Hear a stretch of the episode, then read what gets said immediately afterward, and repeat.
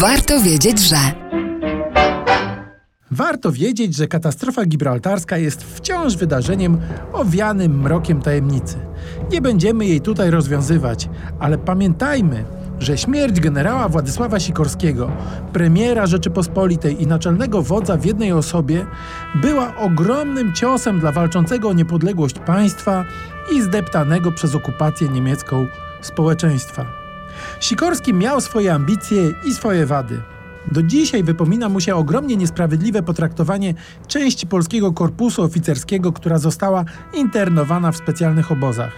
Historycy wciąż potrafią się kłócić o to, że zbyt pochopnie zgodził się na niejasne sformułowania w sprawie granic w pakcie przywracającym stosunki polsko-sowieckie w lipcu 1941 roku.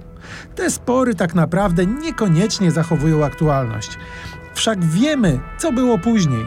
A rację mieli już wtedy ci politycy, którzy wskazywali, że jeśli zdołamy przy pomocy prawdziwych sojuszników zlikwidować niemiecką okupację, kiedy Armia Czerwona będzie jeszcze daleko na wschodzie, mamy szansę obronić naszą niepodległość nawet przy nieprecyzyjnych sformułowaniach traktatu.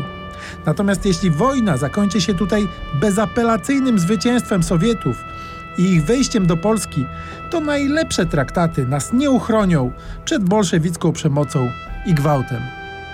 Jedno jest pewne, tak czy inaczej Sikorski na zawsze pozostanie tym, który prawie 100 tysięcy ludzi wyprowadził z łagrów i sowieckiej Gehenny do naprawdę wolnego świata.